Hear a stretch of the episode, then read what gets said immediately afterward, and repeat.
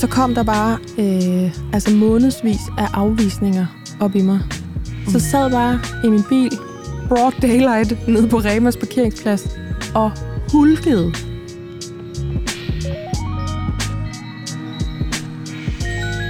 Og det er jo sindssygt hårdt for ham, at han altid skal kæmpe med sin datter om, at hun ikke vil have ham. Ja.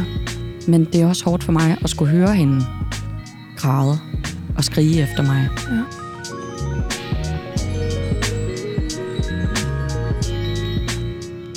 Velkommen til Momkind Podcast. I det her program, der skal vi tale om, når kun den ene forælder dur. Øhm, det være så, når man har slået sig, eller hvis man har en lille nedsmeltning, som jeg tror, de fleste forældre, i hvert fald på et eller andet tidspunkt af deres børns liv, kan relatere til. Eller snart sagt når som helst. Når man i en periode, eller indtil videre for evigt, er den foretrukne forældre. Og så skal vi også tale om, når man ikke er. Altså både når børnene kun vil have en, og når ungerne bestemt ikke vil have en. Og det skal vi gøre med et panel bestående af Clara Kondrup Romagnoli og Maria Josefine Konstantin Madsen, bedre kendt som Jojo. Velkommen til jer to. Tak. Tak. Clara, du er jo studerende og læser kinesisk, og så er du også mor, så vi skal bede om en morstatus. Ja. Jamen, øhm, jeg øh, har en datter, Celeste, på to år og nogle måneder. Og øhm, min mors status er, at øh, hun er jo... Jeg begynder for alvor at se, hvad det der The Terrible Twos er. Mm. Det der med sådan selvstændigheds øh, eller, eller hvad det er, man kalder det. Ja. Så, øhm, så der, der er rigtig meget nej hjemme hos os, og rigtig mange tanker om, hvad det er, hun vil have på at tøj, eller hvad hun har tænkt sig at spise, eller og også begyndt at være sådan konfliktsøgende på en eller anden måde med det der med, at, eller skabende i hvert fald, at hvis hun så ikke vil have det, så smider hun det på gulvet, eller et eller andet, hvor hun godt ved, vi vil synes. Altså også sådan prøve grænser af. Ja. Så det synes jeg er lidt det, der sådan fylder hjemme ved os, at, øh, at der bare sådan er mange situationer hele tiden, hvor man sådan skal forhandle eller prøve at, at, at det er også så tit, at det bare bliver sådan noget, okay, men hvis du sætter dig nu her og tager det her tøj på, så må du godt få nogle rosiner, eller sådan noget. Det er også bare sådan en bestikkelse Ja. rigtig meget af tiden. Sådan bestikkelse, afpresning. Bestikkelse, afpresning. Præcis. Sikkert helt ulovligt ifølge nogen med eksperter og nogen med nogle bøger og sådan noget. Ja, og det er jeg faktisk fløjtende ligeglad med i den situation, for jeg skal bare, Ha' en ud af døren. ja, præcis, altså, eller have hende til at spise noget mad, så hun ikke vågner hele natten. Og, ja. Altså, Ja. Ved, ja. Ja, man kender, kender, kender. Ja. Ja, det føler en del. Ja. Det er det der med, at ungerne skal prøve at se, om de kan nå væggene. Mm. Eller finde ud af, hvem er jeg? Altså det der, det siger nej til alt. Så nej, jeg kan ikke lide det mere nu.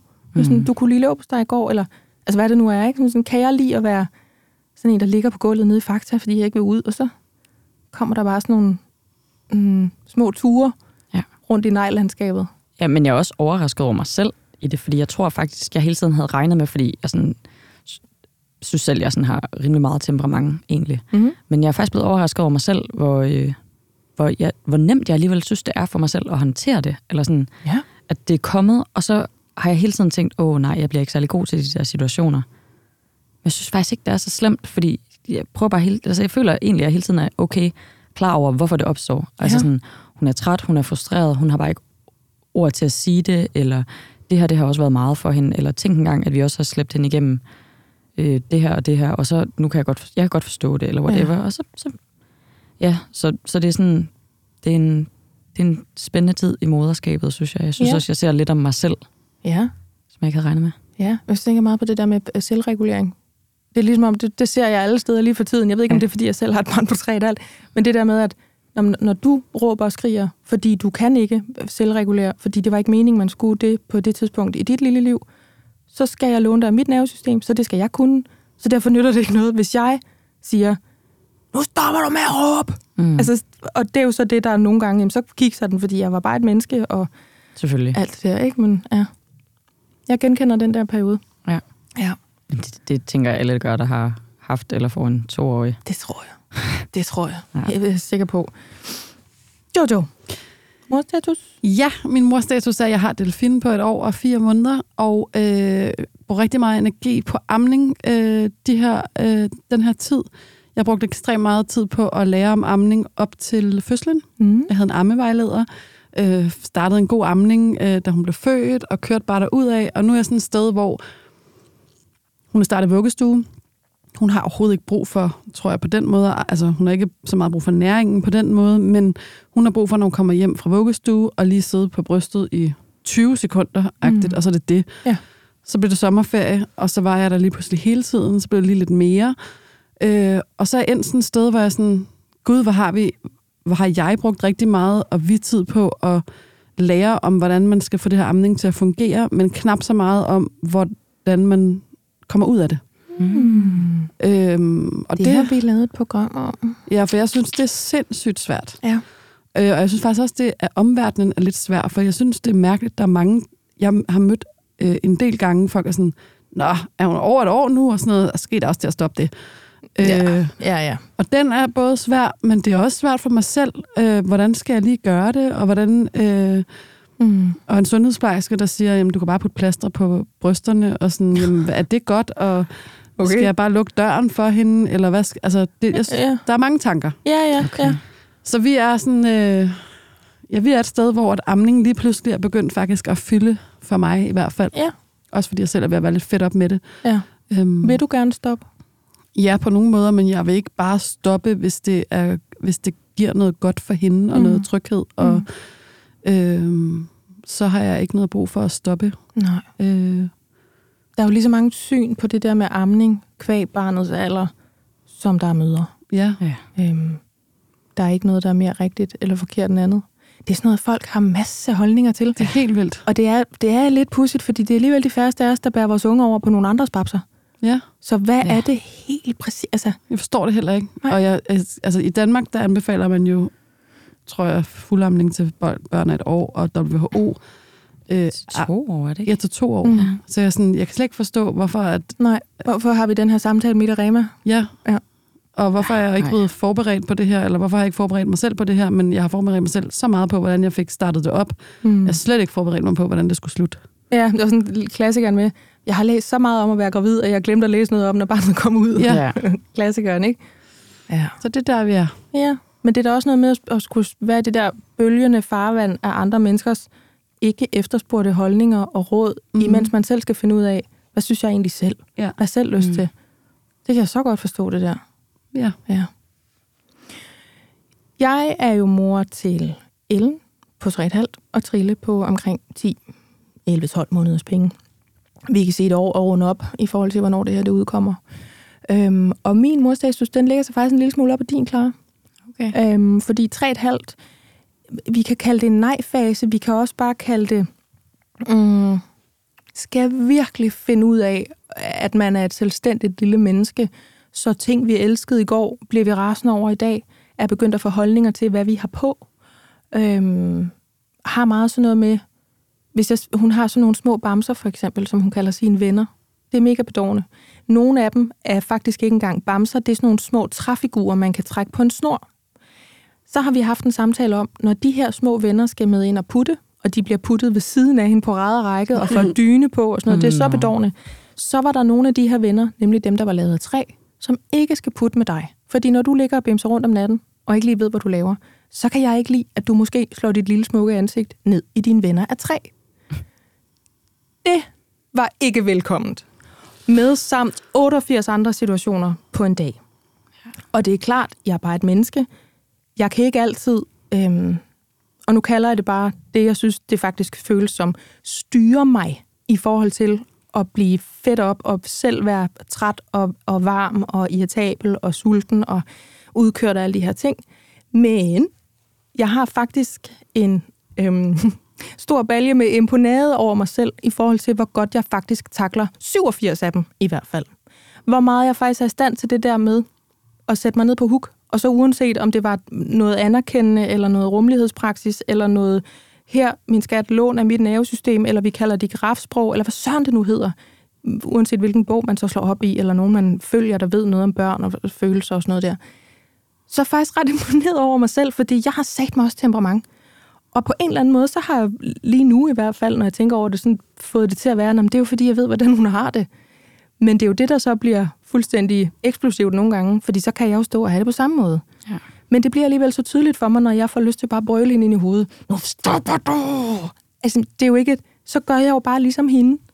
Så det der med at sådan fake it till I make it på en eller anden måde, og at jeg har fundet ud af, at det jeg så siger til hende, når jeg sætter mig ned hos hende og holder armene om hende, og, og hun kan jo være så gal, at hun sådan, altså kan næsten ikke holde fast i hende. Det er ligesom sådan en vred alligator. Og nogle gange er hun bare ked af det og sidder stille. Så er det gået op for mig, at det jeg siger til hende, siger jeg lige så meget til mig selv. Ja. Altså virkelig sådan, hvor, hvor ens det på en eller anden måde er, at jeg, at jeg faker den ret mange gange, fordi så mange nedsmeltninger kan jeg heller ikke nødvendigvis holde til hele tiden men at det langsomt virker. Altså lidt ligesom i starten af nullerne, da vi alle sammen var helt cringe over dem, der gik til sådan noget grinekursus. Ja. Og så sagde de alle sammen, at man bliver mere lykkelig af det, fordi hjernen ved ikke, om du griner kunstigt eller ej. Det er lidt det, jeg føler, jeg gør nu, at jeg snyder os begge to på en eller anden måde, ved at jeg, at jeg leger, at jeg er en voksen, der sagtens kan rumme det der for gang nummer 88 i dag. Og så på en eller anden måde, så ender vi alligevel et bedre sted, end hvis nu jeg bare havde tabt småkærne fuldstændig. Det er da for fedt. Det er mega fedt altså virkelig den der balje med imponade, det, jeg hælder den ud over mig selv, og, Ej, og, og, så, og så husker jeg på den på de aftener, hvor når så rammer puden, og godt ved, ja, i dag der tabte jeg småkærne, men det er jo fordi, jeg er også bare et menneske. Og jeg er jo ikke, jeg er jo ikke Ph.D.-mor, jeg er jo bare mig, der ja. har fået nogle børn, ikke? Så det mors jeg synes, det der med egentlig også at være, og jeg sådan tænker, gud, hvor kan jeg egentlig tåle meget ballade, før at filmen knækker for mig. Hvor er I seje. Ja, tak. Ja, så, så kan vi jo sige til hinanden, kæmpe kender. Kæmpe kender. Kæmpe kender. Fordi det her, det er jo nemlig MomKind podcast, og jeg hedder Marbet Maria Lund.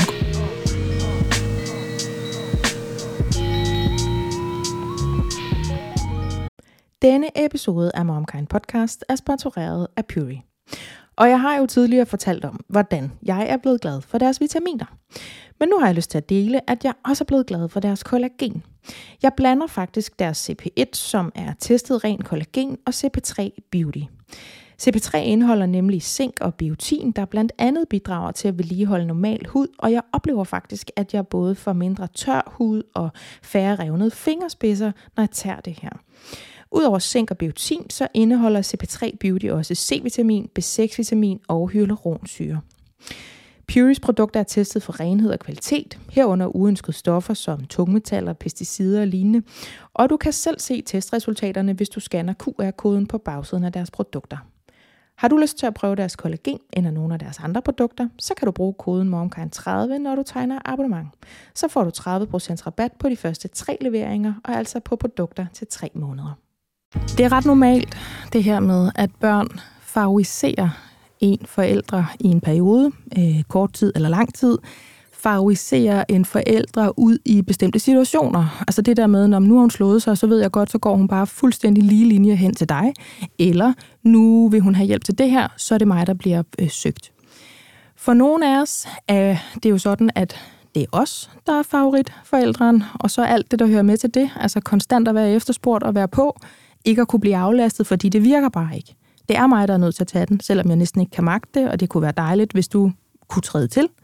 For andre af os er det ret hårdt at være den, der ikke kan bruges, og bliver afvist igen og igen. Jeg har selv prøvet begge dele. Mit første barn havde en periode på knap og nap et halvt år, hvor hun, jeg har lyst til at sige, ikke kunne lide mig. Det ved jeg godt nu med min voksne hjerne, at det kunne hun, men det var virkelig hårdt for mig at være i, at blive afvist. Særligt fordi jeg tror, det er sådan kønsklassisk som regel, at kvinderne, altså møderne, der bliver favoriseret. Til gengæld så har lille søster haft en god lang periode, hvor det kun var mig, der duede. Næsten samtidig med, at hendes storsøster havde en fuldstændig identisk periode. Så jeg kan have to børn øh, på maveskinnet, som begge to vil kramme og kysse møsse, og hvor er man heldig og øh, privilegeret, og sikkert nogle lækre unger, der elsker en. Men nu er det hårdt for min mand at være den, der ikke mm. kan bruges. Så jeg har ligesom blikket begge steder. Klar, du har jo prøvet, eller prøver, at være den, der dur. Og Petro har prøvet og prøver at være den, der ikke dur. Ja. Hvordan ser øh, det her øh, øh dur dur ikke landskab ud hjemme hos jer? Mm, altså jeg vil faktisk nok sige, at det her emne er nok det, jeg har brugt mest energi på at være sådan frustreret eller rådvild over af, af, ud af nærmest alle emner af moderskabet. Fordi for os har det bare været så voldsomt, at det har aldrig, det har været mig, der har duet til alt, nogensinde, altid. Mm. Og øhm, det skal jo lige siges, at Pedro han havde jo natarbejde, og arbejdede rigtig meget det første halvandet år af Celestes liv. Så jeg var sindssygt meget alene med hende. Ja. Og når han var der, så var han øh, selvfølgelig også udmattet, og, og altså, han er verdens bedste far, og det har altid været hans største drøm at blive far. Det sagde han til mig på anden date. Så sådan, det var slet ikke, fordi han ikke ville være der, men det var ligesom sådan et nødvendigt step i hans karriere her i Danmark, for at kunne sådan netop få et 9-to-5-job. Ja. Og det har han så fået i, i vinter, og, og nu er han meget mere hjemme. Og det er der, det sådan rigtig er kommet til udtryk, hvor meget det kun er mig, der stadig dur. Og jeg, ved ikke, om det er sådan en naturlig ting, at fordi... Jeg ved ikke, om det der halvandet år har noget med det at gøre, eller om det bare er Celeste, der er sådan som person, eller om det bare whatever, men det er lige, altså det, det er lige begyndt at vende en lille bitte smule, at jeg tror måske to gange, det lykkedes Pedro at få lov til at sådan putte Celeste, uden at det har været med skrig og skrål. Øhm, men vi snakker det ned til de mindste detaljer, som i sådan, nu skal du have øh, bukser på. Nej, mor bukser på. Ja. Ej, Celeste, far kan godt give dig bukser på. Nej, mor bukser på. Nej, mor bukser på. Eller sådan. Ja. Og sådan har det været hver gang. Og det er jo den klassiske blanding af at være helt vildt taknemmelig og glad for at blive, blive valgt til, og så kigge på sin mand og få det for dårlig samvittighed, eller tænke, ej, det må være virkelig hårdt for dig. Og så pusler man også lige øh, lidt øh, hudmæthed og hudtræthed, og ja. bare generelt træthed, altså ind i den blanding. Ja. Og så, øh, så ligger det jo op til konflikter og til, ja, Ja. Det, jeg synes, det er nærmest noget af det hårdeste nogle gange. Men det er jo den, netop den der knivsæg der med, det er dejligt at være efterspurgt. Det er dejligt at mærke, at man virker. Og de her små mennesker, som jeg skal passe på, vil rigtig gerne passes på af mig. Mm. Lige på den anden side af det ligger der, men nu kunne jeg godt søge jeres anden forældre en lille smule. Altså, hvor man står og tipper fremover, eller frem og tilbage på den der hele tiden, ikke? Mm. Har I forsøgt at ændre det hjemme hos jer? Har I gjort noget, som siger, nej, nu rækker jeg dig over til Pedro, eller hvad, hvad Jeg har har I gjort? alt. Vi Ja. ja. har simpelthen prøvet alt. Og det er sjovt nok faktisk også sådan en ting, hvor folk har, i hvert fald sådan tættere mennesker, der ligesom ser det udfolde sig, også har alle mulige holdninger til, kan I ikke gøre sådan her, eller kan- han skal jo bare, eller du skal bare lade hende græde. Mm. Men jeg tror ikke, folk fatter, hvor hårdt det er at skulle høre sit barn græde og skrige efter en 20 gange om dagen i et halvt år. Altså, det, ja, der er bare nogle gange, hvor jeg også bare sådan giver op, og så bare sådan, okay, så mor tager dig, fordi det er så hårdt, at hvis vi så prøver, at Pedro skal tage hende, for han vil altid tage hende, han vil altid hjælpe, og han vil jo ønske ikke være sådan her. Men, og det er jo sindssygt hårdt for ham, at han altid skal kæmpe med sin datter om, at hun ikke vil have ham. Ja. Men det er også hårdt for mig at skulle høre hende græde og skrige efter mig. Ja. Så der er også nogle gange, hvor vi, sådan har, vi må tage det i etapper. At sådan, nu prøver vi, at nu et eller andet. Og det har lykkedes efter noget tid, at det bare har været sådan konsekvent. Nej, du skal sove med far.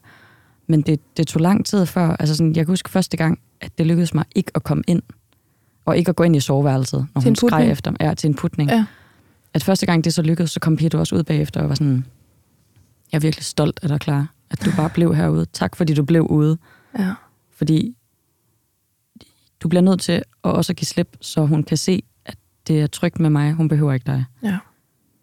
Men det er jo lige præcis der, kimen til konflikt, den ligger, ikke også? Hmm. Fordi det ligger jo netop så tæt op over den der med, jeg stor fed kommer lige ind i dit forældreskab, fordi nu er tiden løbet ud for det her projekt, eller jeg kommer lige ind og gør det bedre, eller fikser, eller overruler, eller altså devaluerer din indsats, fordi jamen, mor er her, eller far er her. Hmm.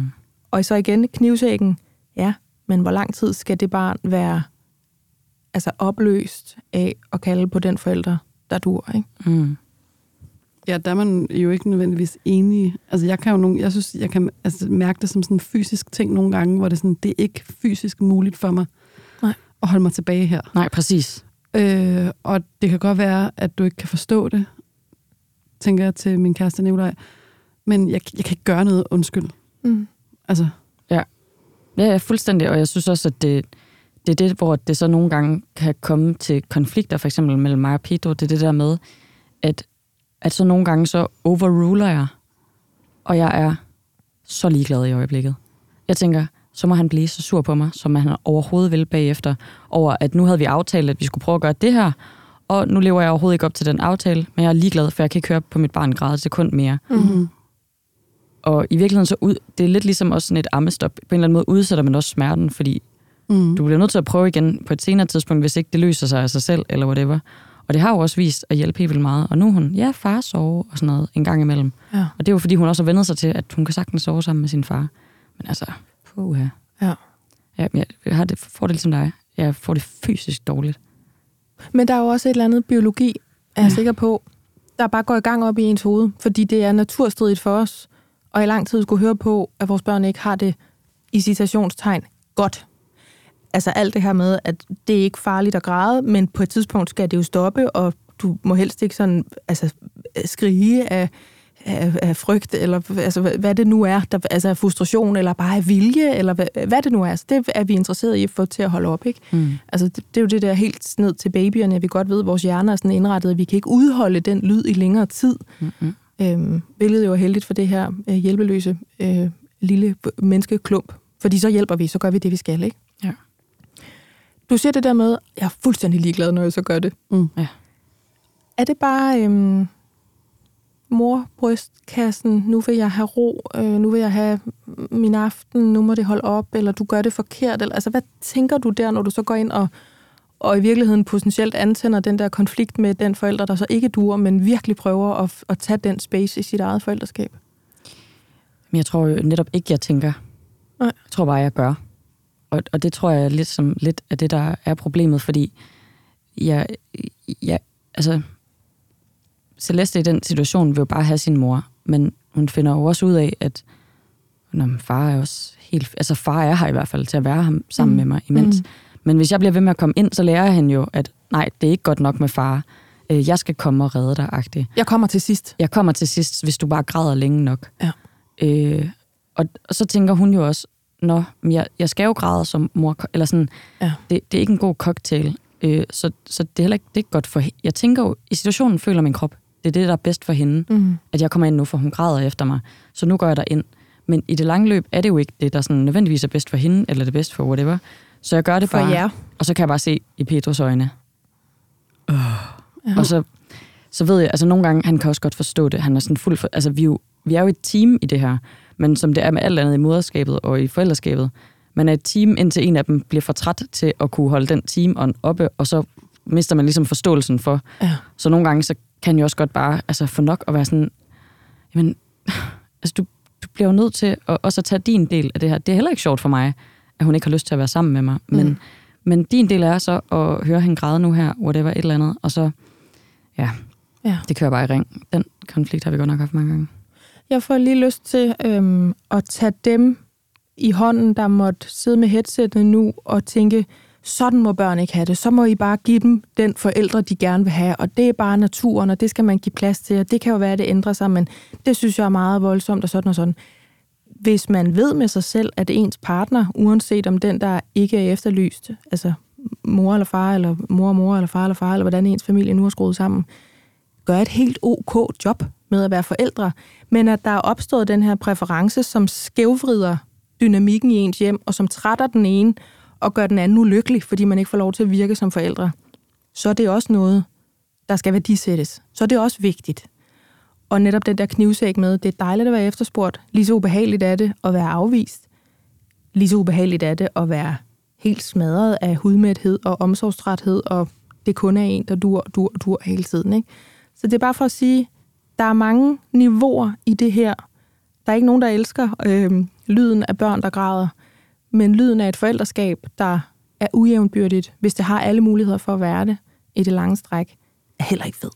Nej, men det er jo også, altså det er jo fordi netop, det kan godt være, det lyder voldsomt, men det er jo, altså, på sin vis, altså jeg er i virkeligheden sådan totalt, jeg kan slet ikke, altså jeg vil kalde mig selv pyldret, når det kommer til noget med Celeste, der græder. Altså jeg, jeg giver totalt efter altid, og det har jeg altid gjort, og har, jeg ammede hende jo 20 gange om dagen, da hun var halvandet år gammel, og kunne slet ikke sige frem med noget som helst.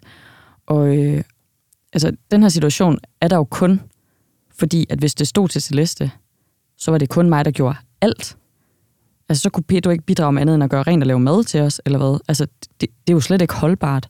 Så kunne han det- nærmest ikke få lov at være forældre. Nej, det er jo lige så meget, fordi han også gerne vil have lov til at kunne gøre de der ting. Øh, og det er jo ikke sådan på bekostning af Celeste. Vi kunne aldrig finde på, at Nå, men nu ligger far i seng, øh, fordi far synes, det kunne være hyggeligt, og øh, så skal du bare følge efter Celeste. Eller, altså det, det er ligesom en proces, hvor at hvis jeg så er totalt ved at brænde sammen, og, og nu bliver Peter nødt til at tage over, for jeg har lyst til at græde over at have været i, i gang i tre dage træk, Mm. uden at få en pause eller Mm. et eller andet, så er det, han bliver nødt til at prøve. Og hvis hun så græder efter mig, så er det der, hvor man sådan bliver nødt til at, at, at også at mærke efter, sådan, er hun bundhammerne ulykkelig, eller ja. kan det, altså det er, jo, det er jo hele tiden en proces. Ja. Men øh, det, Er hun i fare, eller er hun bare ikke tilfreds, eller hvor er vi henne? det, er det, og det er jo ikke sådan... Øh, ja, altså Pedro, Pedro er der jo netop, og han er den mest kærlige og fantastiske far. Så der, der er ikke noget fare for hende der. der hun, hun er aldrig alene, eller bliver lukket inde, eller skal ligge i sin seng og græde efter os, eller noget, fordi det, det har jeg ikke lige... Øh, det, det, kan jeg, det, kan jeg ikke, det kan jeg simpelthen ikke, men, øh, men ja, det, der er så mange nuancer i det her. Det, jeg kunne snakke om det for evigt, fordi det er virkelig noget, der har lagt mig meget på hjerte. Vi kan i hvert fald snakke om det i en times tid. Men vi skal, vi skal også snakke med Jojo. Mm. Du sidder virkelig og genkender og spejler og smiler og klør dig i, i tændinger og ryster på hovedet og smiler mere og lukker os ind. Altså, hvordan, nu spurgte jeg før, Clara, hvordan det der dur, dur ikke landskab ser ud hjemme hos hende og Pedro. Hvad Vi- foregår der hjemme hos jer? Jamen, jeg, jeg, det er bare, fordi jeg kan genkende så meget. Øh, det er så dejligt at høre. Okay. Øhm, vi er et sted, hvor Nikolaj øh, godt kan putte, øhm, hvor at, øh, han er den, der afleverer og henter de fleste dage faktisk lige nu. Øh, de hygger sig vildt meget sammen. Det største, de største konflikter opstår ligesom, altså så snart jeg træder ind ad døren, så viger hun ikke fra min side. Nej. Og jeg tror, hvis man lige dumpede ned og så det, så er det jo ikke, fordi det er så voldsomt lige nu, men det er jo noget med både at have været gravid, have født det barn, have haft det barn på sig 24 timer i døgnet. Og jeg er bare et sted nu, hvor nu hun er snart halvandet, hvor jeg er lidt fedt op. Ja. Mm. Øh, så der skal ikke så meget til, for at jeg får nok, eller jeg bliver vanvittig af, at jeg kan ikke rejse mig op, så snart jeg kommer ind ad døren. Jeg er nødt til at... Altså, jeg kan ikke gå ind i et andet rum. Jeg kan ikke gå ud og tisse, uden hun skal med. Mhm. Øh, Nikolaj kan godt tage hende med ud og sige, nu går vi ned og handler, og så går de, og så er hun okay.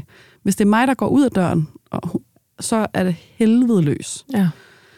Øhm, så tror jeg også, der er jo også en ulige vægt, når man... Jeg er den, der har været længst på barsel, jeg har ammet alt det der, så, jeg, så der er jo også nogle små bitte rutiner, som jeg har skabt, mm. og som jeg dermed kender bedre end ham, selvfølgelig. Mm. Øh, eller små måder, hvor jeg sådan, sådan gør vi tingene, som er blevet jeg har skabt hen ad vejen. Og nu er det jo så, at vi er i gang med sådan en, hvor han tager mere og mere over, og Øhm, men vores konflikter ligger helt klart også mest i det der med, når nogen så er endelig kommet ind i sin egen seng. Øhm, kun hvis hun bliver puttet i vores, så kan man så sovende lægge hende ind i sin egen seng. Og jeg er så lykkelig og, altså, for at kunne få lidt frihed for mig selv ind i sengen. Og jeg kan ikke leve uden. Altså, jeg Mm. higer efter det. Mm. Så min største frygt, hver gang vi går i seng, det er, hvornår vågner hun. Fordi når hun vågner, så er hun meget svær at få til at blive nede i sin seng. Ja. Men hvis jeg går ind og tager hende, så stikker det helt af. Altså, så vil hun måske amme, bryster, alt sådan noget. Så det er bedst, han gør det. Ja. Men jeg står jo altså, som sådan en irriterende kvinde, og nærmest holder øje, eller hører efter, hvad der sker derinde. Gør han det nu rigtigt? Agtigt? Ja. Ja, der sagde du lige et keyword der, ikke? Det står mm. her på bloggen. Altså, om man, om man er den, der har dikteret, hvordan vi gør bestemte ting. Ja. Fordi på denne måde er det rigtigt, og så er der de andre måder, som typisk er dine måder. Men jeg kan jo godt synes, at det er svært det der med, at hvis han ikke gør, som jeg tænker, er det, der får hende til at sove videre, for Ja. ja. eksempel, så er det mig, der betaler prisen. Ja. Fordi hvis hun kommer ind i sengen, så er det mig, hun ligger op i resten af natten, og, og lige nu betyder det faktisk, at så er der som regel flere timer, hvor jeg ikke sover. Ja. Så jeg kan jo blive ekstremt frustreret, og det går jo ud over ham. Øh, jeg har aldrig i mit liv, øh, hvis jeg skal være helt ærlig, råbt så meget, og været så irriteret på et andet menneske. Øh, skældt Nikolaj ud, øh, sagt undskyld, øh, men også prøvet at forklare, jamen det er også fordi, jeg er tyndsligt, Ja. og du har et andet bære lige nu. Og, du, og jeg har også prøvet at sige sådan, jeg håber, du kan bære over med, at det er fordi, jeg er kørt helt i bund. Altså sådan, jeg har ikke mere. Ja. Øh, Og det handler om, altså sådan, jeg kan ikke gå på arbejde, hvis jeg ikke sover. Nej. Øh, så vi er nødt til at prøve at finde ud af det, og jeg, kan godt forstå, at det virker øh, som om jeg meget hurtigt farer op. Men det er jo fordi, det er de små frirum, jeg kan få.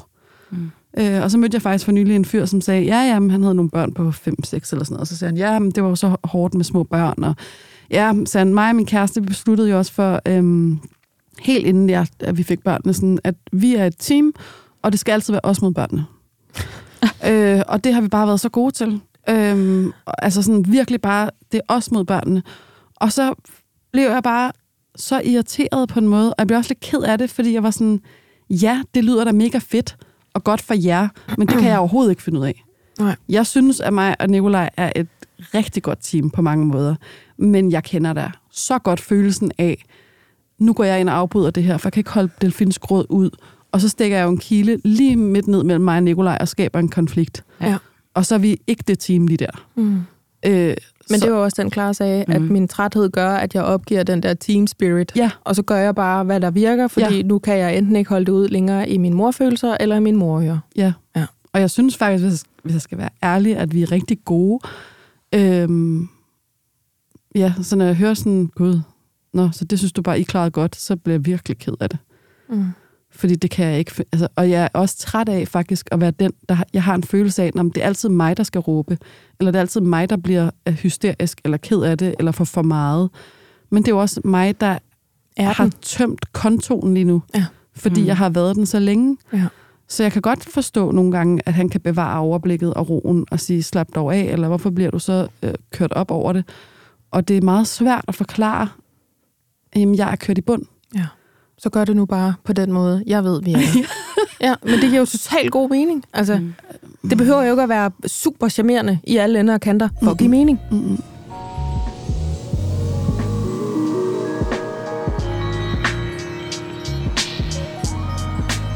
Jeg får også lyst til at sige, det vi taler om nu, det her med at være, vi kan kalde det default forældre. Altså, at man er udgangspunkt forældren, den der dutter.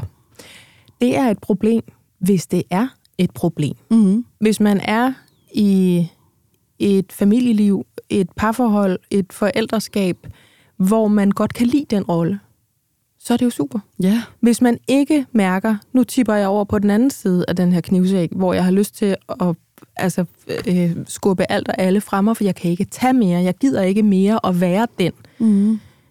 så er det jo der, det bliver et problem. Mm-hmm. Men jeg ved da også, øhm, til trods for, at øh, det trender ret meget nu at være fedt fedt om alting, så er der så noget, der trender den anden vej med, jamen det er vi ikke nødvendigvis, fordi biologi og køn og muligheder og sådan noget, det er også noget, vi begynder at tale mere og mere om. Mm.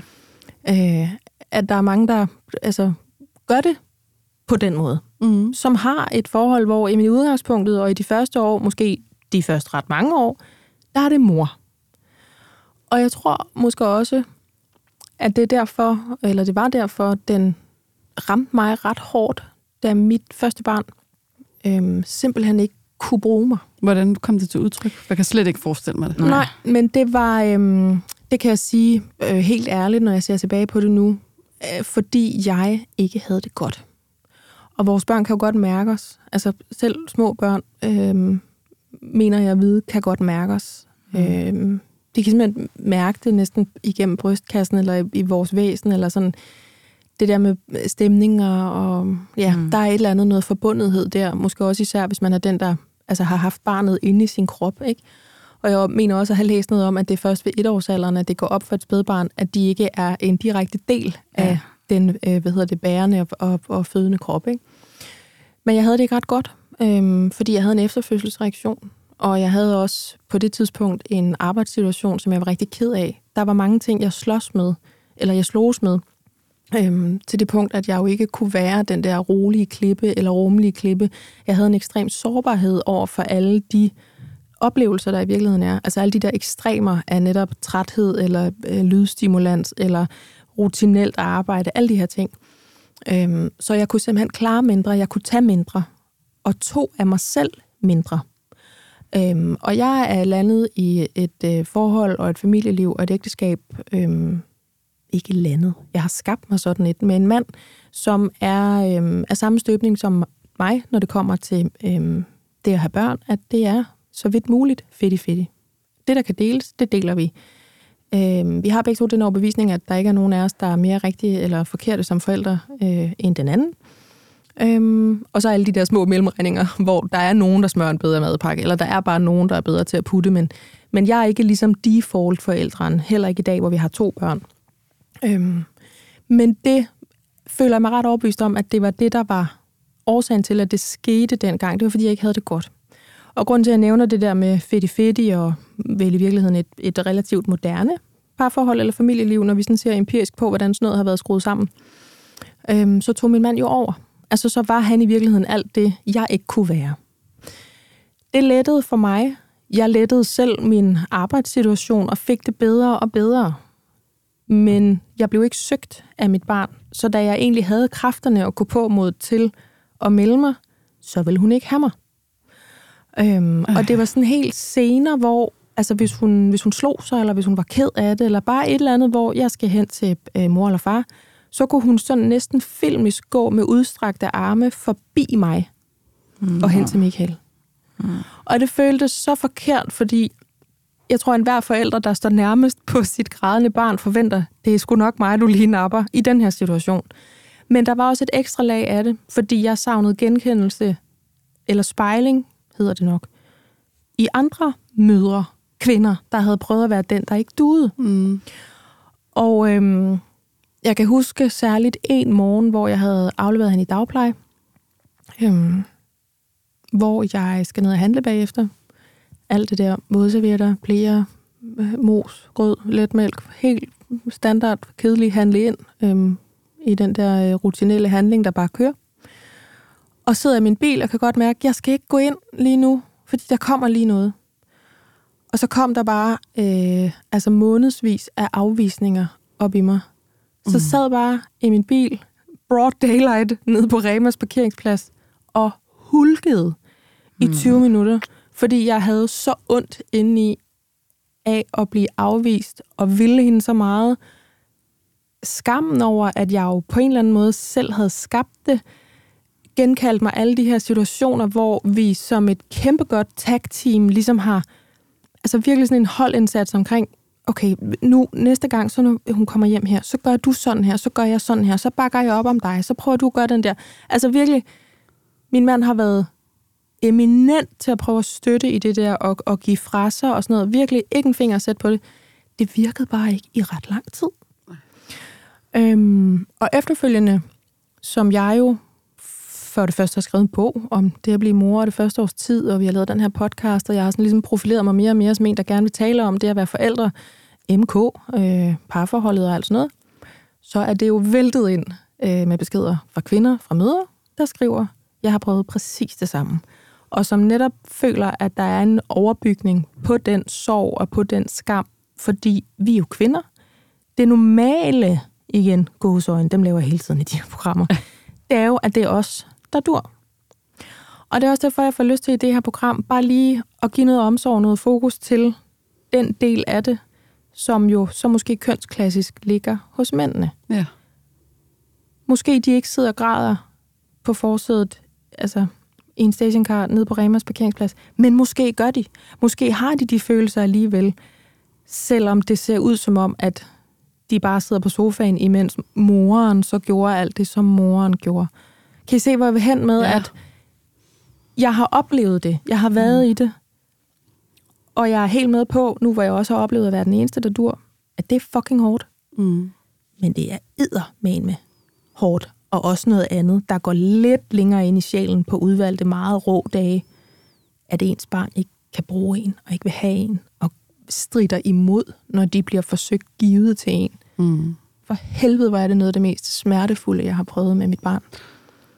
Og de gik over, bare lige for at binde øh, sløjfe på den nu, og har snakket i tre kvarter, da jeg havde det så godt, at jeg ligesom kunne gøre en erstadig indsats. Og nu er vi så faktisk der, hvor nu er det mest mig, der dutter øhm, for begge pigers vedkommende. Så jeg kan se den begge steder fra. Jeg har prøvet den der smerte, som måske typisk kønsklassisk er en farsmerte. Og jeg har også prøvet den der med, nu må du fjerne de unger fra mig. Jeg, jeg, kan ikke, jeg kan ikke løfte mine arme mere. Jeg har båret dem på hver hofte de sidste tre kvarter, og jeg har lavet bolo. Nu, nu må du gøre noget. Mm-hmm. Så må hun være ked af det. Jeg, jeg kan ikke holde den længere. Ej, ja. det er råt. Det er mega råt. men det er også øh, fint, at du lige får det med netop, at, at det, sådan, det er cyklisk, eller sådan, det forandrer sig, og man, selvom man har den ene rolle, så kan man godt få den anden rolle. Ja. Og, og det bliver jo ikke ved for evigt. Nej. Altså, fordi jeg tror, altså nu kan jeg ikke sætte mig ind i det, øh, hvordan det er at være den, som barnet ikke vil have, men selv når man er den, som barnet gerne vil have, så kan man også godt tænke, stopper det her nogensinde? Mm. Og jeg tænker, den, den tanke må være endnu hårdere, hvis man er den, som barnet ikke vil have. Stopper det her nogensinde? Hvad skal jeg gøre for, at barnet vil have mig? Eller sådan. Ja. Og, og, og nogle gange tror jeg også, det er ude af vores hænder. Altså nogle gange, så tror jeg også bare, det... Øh, altså man kan selvfølgelig godt gøre ting, der gør det måske... Der skubber det i den rigtige retning eller et eller andet, men, men jeg føler bare tit, at jeg har stået og været sådan rådvild og tænkt, det, det virker nogle gange som om, det er fuldstændig ligegyldigt, hvilken indsats jeg gør. Eller, Som om- eller I gør. Ja, Ja. selvfølgelig. Ja. Selvfølgelig, som vi gør. Øhm, ja, og så, ja, og jeg, jeg synes, det, det er en god pointe, fordi det netop også viser lidt om, at det måske er lidt ud af vores hænder nogle gange. Eller, altså, du fortæller jo selvfølgelig, at det også var fordi, at du havde det dårligt, så Mm. at der, du kunne også godt se en grund til det. Ja.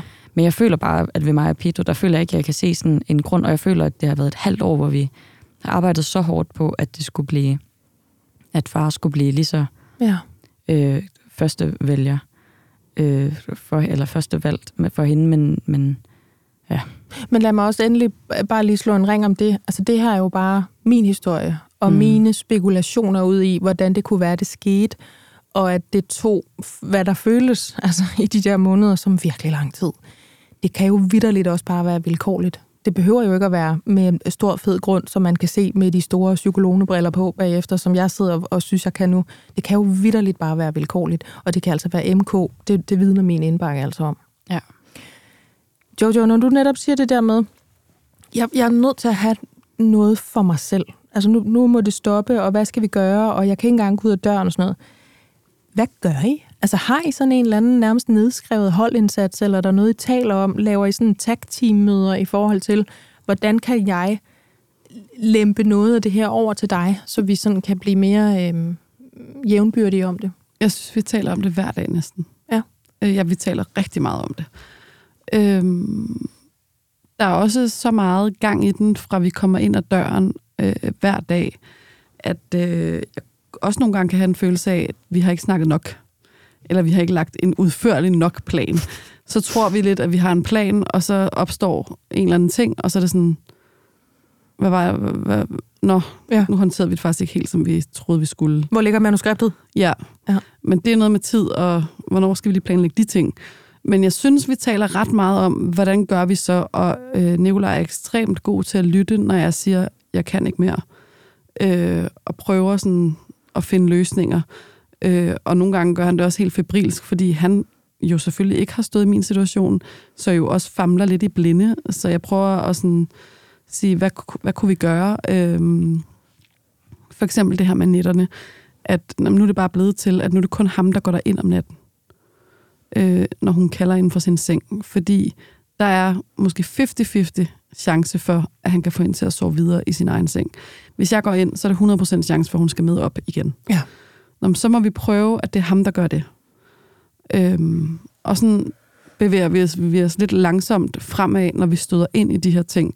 Godt, det er øh, fuldstændig kaotisk, hvis det er mig, og det var jeg nødt til at gøre den anden morgen, der går hjemmefra. Jeg kan se, hun har sådan en følelse af, nu forlader du mig. Det gør du bare ikke, mor. Mm. Og hun går helt i panik. Altså. Ja.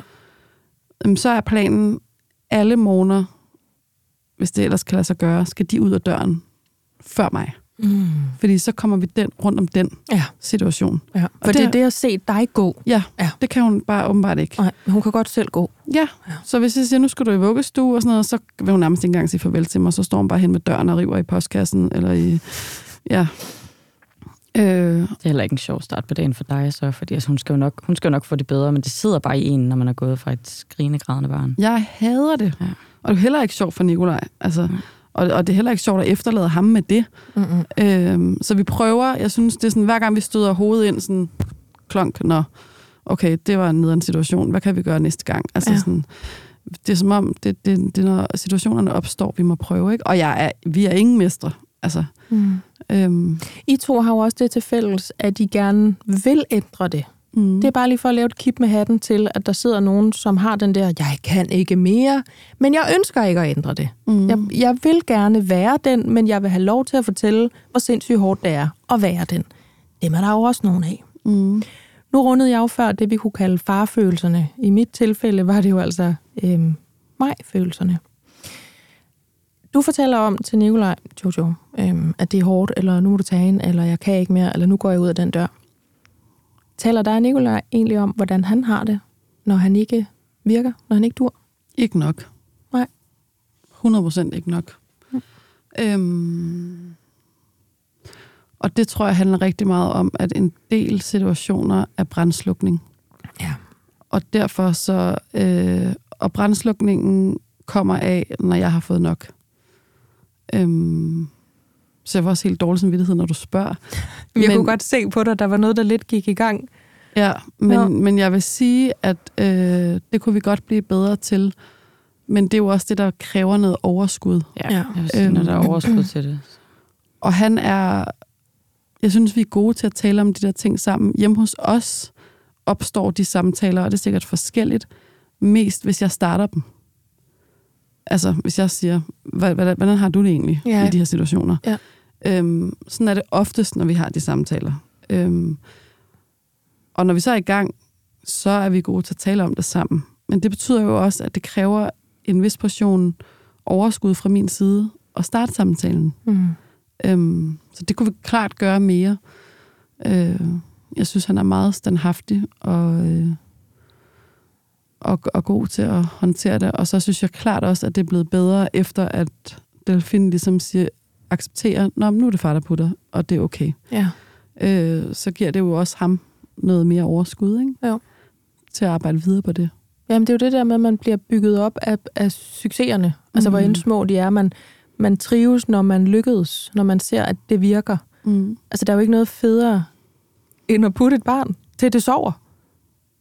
Altså, så den der sådan, jeg gjorde det. Ja. Jeg, kan, altså, jeg kan huske det fra, fra vi var gået, altså fra notorisk, at det var min mand, der puttede vores ældste, da hun var mindre, fordi det er der slet ikke nogen grund til at prøve på. Altså, det bliver vanvittigt for alle, hvis jeg prøver det. Klip til nu, hvor altså, jeg ligger nærmest i ske med hende, inde i hendes egen seng, med knæerne helt oppe i, i væggen, og det var med små altså, lyskæder, og vi læser bog, og vi krammer, og vi kysser, og vi ligger og tegner med fingerspidserne i hinandens ansigt, og ej, vi skal kramme mere, og mor, vi skal kysse møsse, og hvad skal vi spise i morgen til aftensmad? Altså, fuldstændig en anden verden. Så lad det være en krystalkugle, en håbefyldt øh, krystalkugle, hvis du sidder nu derude, MK, og genkender min historie i hvert fald, ikke? Jo. Klar, øhm, du har været lidt inde på det, men jeg kunne egentlig godt tænke mig lidt flere ord for lige at få spejlet den anden side. Det er jo ikke dad kind, men øh, jeg ved, der er nogen, der lytter med. Jeg ved, der er nogen, der behandler den her podcast som den der serie, man godt nok ikke sat på uden den anden. Folk lytter til det, når de kører bil, måske på vej i sommerhuset, eller på vej i Bilga efter øh, 60 pakker vådservietter, eller hvad der nu er, er på bud. Ja. Har I talt om det, hvordan han har det, når han ret intenst ikke virker? Øh, ja, altså vi har, ja, vi har 100% snakket om det. Altså mm. det har også været, øhm, fordi jeg har spurgt ham sådan, øh, hvis det har været sådan hæftigt, at om hun kun ville have mig en hel dag, selvom han har stået lige ved siden af hende og prøvet. Så øh, are you okay? Og så, ja, yeah, I mean it is what it is-agtig okay. stemning. Ja. Og så nogle gange, så hvis det, altså for jeg, jeg kan jo godt, jeg kender ham, jeg kan jo godt se, at det er hårdt, og han bliver ked af det. Men jeg ved også, at det er også, fordi han ikke vil lægge det over på mig, oveni, at jeg skal have det dårligt over, at Celeste bliver ked af det, hvis det ene, og han bliver ked af det, hvis det andet. Ja. Eller sådan. Ja. Så, altså, men så nogle gange, så kan han jo ikke holde det inde, og så, så snakker vi jo også i dybden om, at det er ikke sjovt for ham sådan at, at blive, at blive sådan valgt fra. Men, øhm, men jeg tror også, det er derfor, han så har så mange ekstra følelser med i det. Hvis det så er, at vi så laver en plan, og jeg så bare sådan overruler den plan med, hvad jeg lige synes i stedet for, så er det netop, at han så bliver ked af det, fordi han, han er sådan... I, forvejen er jeg jo den lidt, der altså, bliver valgt fra, så det ville også være rart, hvis jeg så følte, du var sådan på min side med, at vi prøvede at, netop sådan, som du siger, Jojo og May har sådan prøvet at lave, sådan finde ud af, hvad der fungerer, sådan at, at man kan være i det alle sammen, så Delfin ikke skal være for ked af det, og du skal ikke være for overvældet. og Nikolaj skal ikke være for meget valgt fra. Så, sådan, så hjemme også, så prøver vi jo netop lidt sådan det samme, og hvis vi så laver en plan netop et eller andet, og jeg så bare går ind og siger, ej, nu har jeg lige lyst til noget andet, for jeg kan ikke lige overskue, at øh, jeg bare skal gøre det her eller det her. Mm. Så er det jo, han også føler sig mega såret, fordi så er det som om, han føler jo, at, at jeg, at, at det er mine forældrefølelser, der er vigtigst, at jeg, at jeg tror det, eller at jeg bare sådan vælger mig først. Ja. Så altså 100% i de her situationer, altså Pedro, han er bare en fantastisk far, og han er altid en kæmpe støtte. Og altså i den her... Men det er også derfor, han bliver ked af det. Det er jo, fordi han ønsker ja. at få lov at være far. Ja. Men det er også derfor, at det, det er også hårdt, fordi, altså nu kan jeg også høre på dig, Jojo, at du også sidder og får dårlig samvittighed over diverse ting, og at det er ikke særlig rart at tænke på, at man bliver så vred, eller at man glemmer at spørge om et eller andet. Og, og sådan har jeg det jo også med Pedro, at når jeg kigger på det her, så føler jeg jo også, at det, det er lidt mig, der, der er lorten. Altså fordi det er også noget, jeg virkelig kan være øh, dårlig eller god til. Det er, at øh, jeg har jo ikke noget problem med at være den, når jeg synes, det er hyggeligt. Og så lige pludselig, så får jeg nok, og så kommer der bare en... Øh, så kommer der noget yoghurt på gulvet, eller sådan noget, så er jeg sådan, Peter, tror du lige, du kunne hjælpe lidt, eller hvad? Ja. ja. Er, det bare, er det bare mig hele dagen, mm, eller hvad? Er det bare altid mm, mig? Men, men du siger noget ekstremt essentielt lige der, som netop er den der knivsæk igen, ikke? Ja. Det er meget lækkert at være den, når det var de glade, dejlige børn, der gerne vil have deres glade, dejlige mor. Og nu skal jeg gå væk. Nu skal du virke. Ja. Dig. Og det der med, at han har sådan været sød til at trække sig, mens vi sad og havde et hyggeligt øjeblik, og så ud af det blå, så er det bare... Altså, hvad, står, står du bare glor, eller hvad? Skal du, skal du lige ja. hjælpe her? Det et eller andet. Og så kan man bare se, at han bliver ked af det, sådan, wow, i forvejen, så jeg vil da gerne være med, men et eller andet, og sådan, og ej, klar, nu må du lige et eller andet, og sådan, mm. og så sidder jeg bare bagefter og tænker, ups. Wow. Jojo, hvad tænker du lige nu, fordi du er nærmest at kravle ind i dit headset? Jamen, jeg kender det bare så godt, men jeg må også bare sige, at jeg er også altså, træt af at føle mig som en lort nogle gange. Øh, Amen. Ja, men det er sådan, jamen, jeg, altså, jeg kan ikke det hele. Jeg vil det bedste for alle. Øh, I mean well. Ja, virkelig. Ja. Men jeg er undskyld, eller sådan, ja. men jeg kan kun så meget, og der er også en grænse. Altså, og jeg er også træt af, at jeg hele tiden skal sige til Nikolaj, ej, jeg er ked af, at jeg lige sur her, eller undskyld, eller øh, ja, det kunne jeg nok godt have sagt. Altså, jeg føler hele tiden, det er mig, der skal sige sådan, det kunne jeg nok godt have sagt på en bedre måde, eller... Mm. Men det er jo også, fordi det er dig, der er fyldt.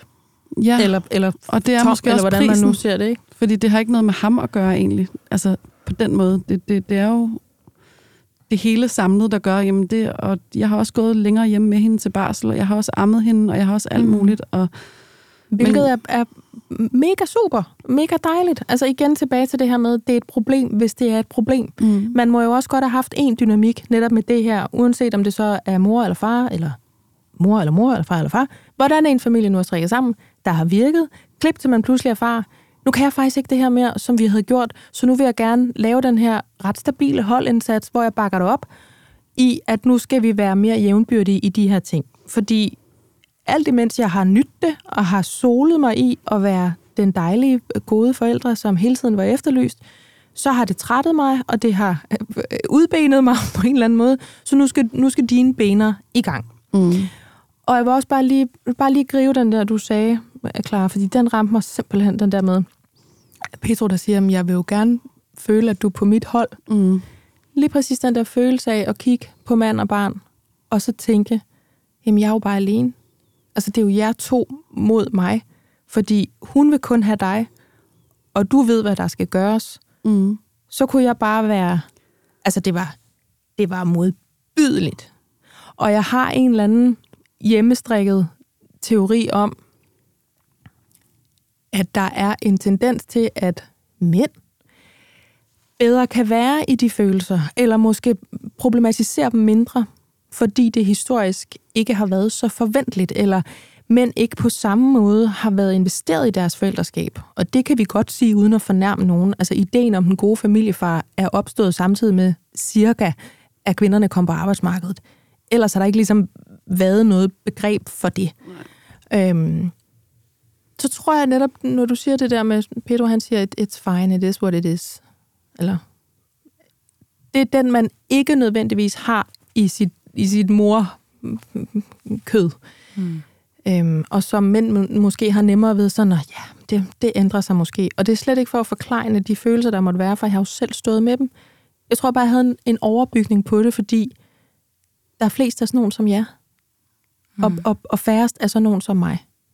Lige det her henseende. Ja, det tror jeg rigtigt.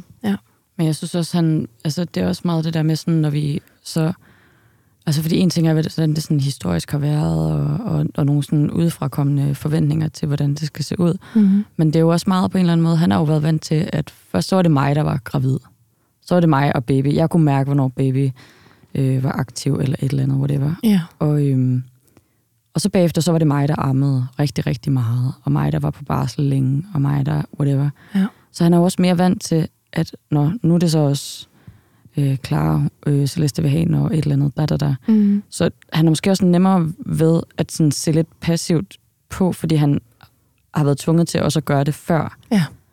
Øhm, så, så, så jeg tror, altså, jeg kan jo godt se, at de situationer, der gør mest ondt på ham, er, når han tilbyder, altså sådan sin, Når han faktisk kunne være lige så god som dig.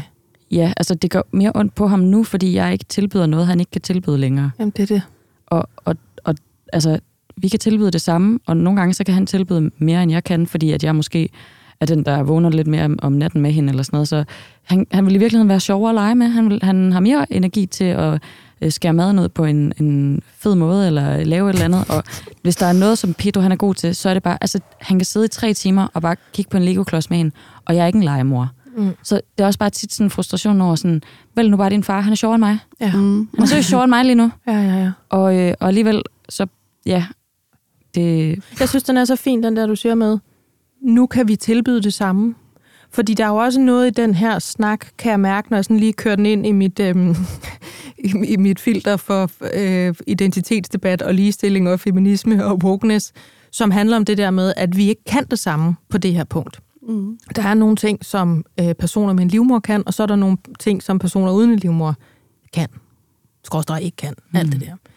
Men lige præcis der, hvor man så siger, nu er det et problem for os, når man selv problematiserer det. Ikke noget med samfundet eller noget som helst. Når man selv kan mærke, at det vil så alle mulige grunde, nu vil jeg gerne plane lidt ud. Nu vil jeg gerne aflastes. Nu vil jeg gerne være jævnbyrdig, whatever.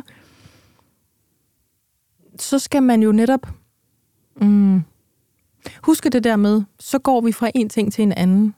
Og det kræver måske decideret en indsats, så det ikke bare bliver den passive gliden ind i, Nå, men det er måske også bare det mest naturlige. For Gud, hvor jeg forstår den. Jeg mm. kæmpe forstår den. Kunne aldrig finde på at negligere det stykke arbejde, øh, den bærende og fødende krop udfører. Jeg har for pokker selv fået to stykker. Jeg ved godt, det er, det er grove løjer. Altså mm. meget smukke grove løjer. Men hvis man ønsker den der, så tror jeg så bare, det er vigtigt, at man ser det som en holdindsats. Ja. Ja. Jojo, hvad sker der over hos dig? Jamen, jeg, jeg hører, hvad du siger. Jeg tror, det er fuldstændig rigtigt. Det er smukke ord, og nogle gange nemmere sagt end gjort. Men jeg tror, det er rigtigt. 100. Ja. Ja. Må jeg lige hurtigt sige noget? Det er også sådan i forhold til, altså jeg kom bare til at tænke på, at der, jeg jo også i lang tid ikke ville give slip. Altså det er som om, inden den her situation kom, hvor at, at vi lige meget godt kunne tænke, sig, tænke os, at hun ville os lige meget, så har der jo inden været en lang periode, hvor jeg bare ikke ville give slip. Altså jeg har også haft en lang periode, hvor at det gjorde mig ikke noget, hun kun ville have mig, Mm. for jeg vil også kun have hende. Og jeg, jeg vil putte hende hver aften, fordi jeg vil det, og jeg følte, jeg gjorde tingene på en måde, hvor jeg vidste, at sådan kunne hun lide det, og så skulle et eller andet, og den føler jeg, nogle gange, jeg glemmer lidt, at der også var en periode, hvor jeg bare også holdt i med næb og klør, så lige pludselig gik over til, Nå, nu, nu ville det være fint, hvis vi et eller andet, sådan begge to var lige meget vigtige, eller lige meget et eller andet. Og, øh, og det er jo også svært for Celeste at skulle kigge på mig og tænke, øh, du, du øh, tog mig hele tiden, du viste mig vej til det her, det her, det her, og øh, nu skal det hele bare ændre sig. Eller sådan, det, der er så mange nuancer i det her, og man tænker Mhm. sådan, så står der en eller anden bedstemor udenfor og siger, Nå, hun er med morglad, hende der, hun har vel have vist da godt af at komme ind i egen seng, eller et eller andet, og så tænker man, you have no idea. Mhm. Altså, Ja. you cannot see the struggle. Jeg er virkelig glad for, at du fik uh, talt dig varmt til bare lige hurtigt at sige noget, som du sagde. Fordi der følte jeg også lidt, at vi ramte lige ned i noget materie der også. Ikke? Altså netop den der, igen, det er en proces, det er en overgang. På et tidspunkt mm. har jeg solet mig i det, jeg har nyttet det. Nu kan jeg mærke noget ved at være færdig med det, jeg ønsker noget andet. Nu kan jeg mærke, at det bliver et problem for mig, for os. Og måske er der en medforælder, der godt kunne tænke sig rent faktisk at få lov at gøre en forskel her. Mm. Det kan der være alle mulige grunde til. Det kan være, at man bliver fed at være gift med, eller bo sammen med, hvis ikke man skal stå for alting selv, eller hvis man får lov til at være en betydende del af familielivet og forældreskabet. Mm. Igen, nu siger jeg det for tredje gang, og så siger jeg det ikke mere. Det her er et problem, hvis det er et problem. Ja. Er der et eller andet, vi skal have med nu? Skal vi sende en besked til dem, der dutter, og dem, der ikke dutter? En lille, et lille krammer til dem, der sidder på parkeringspladsen ved Rema? Eller til dem, der står derhjemme med to børn på hofterne, fordi det var kun dem, der duttede? Altså, jeg vil sige, at jeg har tænkt mange gange, det her, det ændrer sig aldrig. Og det gjorde det. Vi er ikke i mål. Men jeg er allerede begyndt at få luft, ja. hvis man kan sige det sådan. Ja. Øh, så bevar håbet, øh, og prøv at tale så meget om det som muligt. Det lyder sådan måske lidt frelst, men det kommer fra øh, mig, som ikke er mester i det, og som også diskuterer helt vildt med min kæreste derhjemme omkring det, og der er masser af konflikter. Øhm, jeg er også begyndt at se det som om, når så er der en lille ting, som er afgangen om morgenen. Nu fungerer det. Det er jo en ret lille ting, men mm. det er bare en kæmpe sejr alligevel. Ja da. Så det der med sådan, okay, er der en, et lille sted, hvor vi kan prøve så at starte med at koncentrere os om at sætte ind. Og så er det en lille sejr ad gangen. Og nu er vi et sted, hvor at jeg stadig synes, at det kan være ekstremt frustrerende, men jeg har mange flere åndehuller og får mere energi. Og jeg kan lede mig så meget til, at vi får nogle lidt flere små sejre, forhåbentlig. Ja. Øhm, så det håber jeg da, at, at, at hvis du lytter med, at, øh, og har det sådan, at der kan komme en eller anden tro på, det skal nok komme, også selvom det er små skridt. Ja. Jeg sidder også og tænker på sådan at, at netop have den der forståelse for, at det er også et skifte for barnet. Ja. Hvis nu man havde en klarmor for eksempel, som havde dyrket det der med, jamen det er mig, jeg er den, kom her, jeg er mega mor. Og så lige pludselig, og nu vil jeg egentlig godt have et skifte. Altså der måske, det er måske ret sundt, at det er den der mm, for nogen lidt langsomme eller plagsomme proces, fordi barnet skal også lempes. Ja. ja. Mm. Har du en, en lille besked, klar? Altså, jeg, jeg tror egentlig mest, jeg har øh, øh, ja, en krammer til alle dem, der føler, at det bliver en kime til konflikt, og som ikke ved, hvordan den skal løses. Mm. Fordi jeg føler, at det, det er tit den, jeg sådan bakser med. Og, og jeg synes, at, at jeg også, jeg synes også helt klart, at det bliver bedre og bedre. Og jeg føler, at lidt det er sådan et, et tema i forældreskabet generelt, at man, hver gang man tænker, det kommer jo aldrig nogen vejen, så, så kommer der alligevel lys for enden af tunnelen, fordi ens barn bliver klogere, eller man selv bliver klogere, eller man som hold bliver klogere, eller... Mm. At det, man gør, virker. Ja. ja. Og jeg tænker også, altså...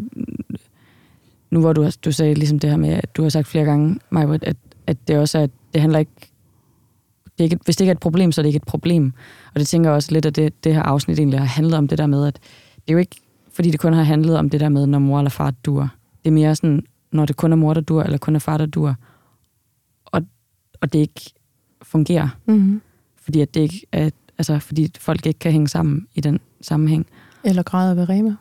Ja. Græder ved Rema, mm. eller, øh, eller råber sin mand ud af det blå, eller et eller andet. Ja. Og derfor så synes jeg, ja, det har bare været rart at lige føle sig lidt set i det også. Ja. Synes mm-hmm. jeg. Altså.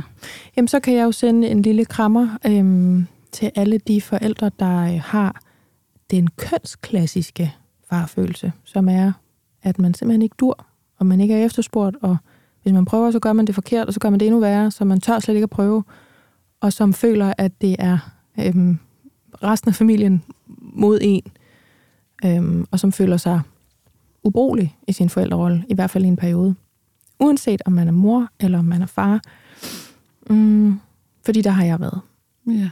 Så øh, en krammer til dem, og måske særligt til de mødre, som godt kan mærke, at den følelse, der ruller ind over dem, mm, er ekstra svær eller skyld og skam belagt, fordi det historisk øh, nærmest ikke har været muligt for kvinder at være den afviste part, og være den forældrepart, der ikke duttede.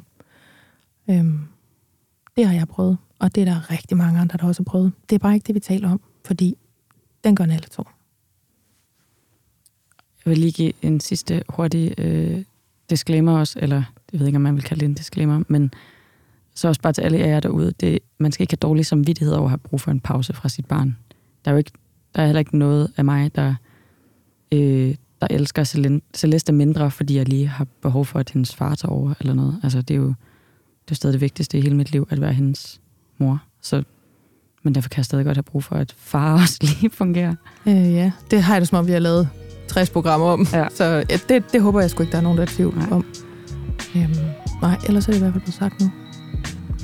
Vi er nødt til at runde det her program af. Øv. Nogen skal, ud og sende, nogen skal ud og sende en sms øh, til uh. deres Nikolaj, eller til deres Pedro, eller ja. til deres Michael, og sige tak for holdindsats, eller hvordan har du det egentlig? Eller, ja. ja. ja. Så jeg vil skynde mig at sige uh, tusind tak altså til Clara Kondrup Romagnoli og Maria Josefine Konstantin Madsen, fordi I var med her i dag. Det her det var Momkind Podcast. Jeg hedder Majbrit Maria Lundgaard.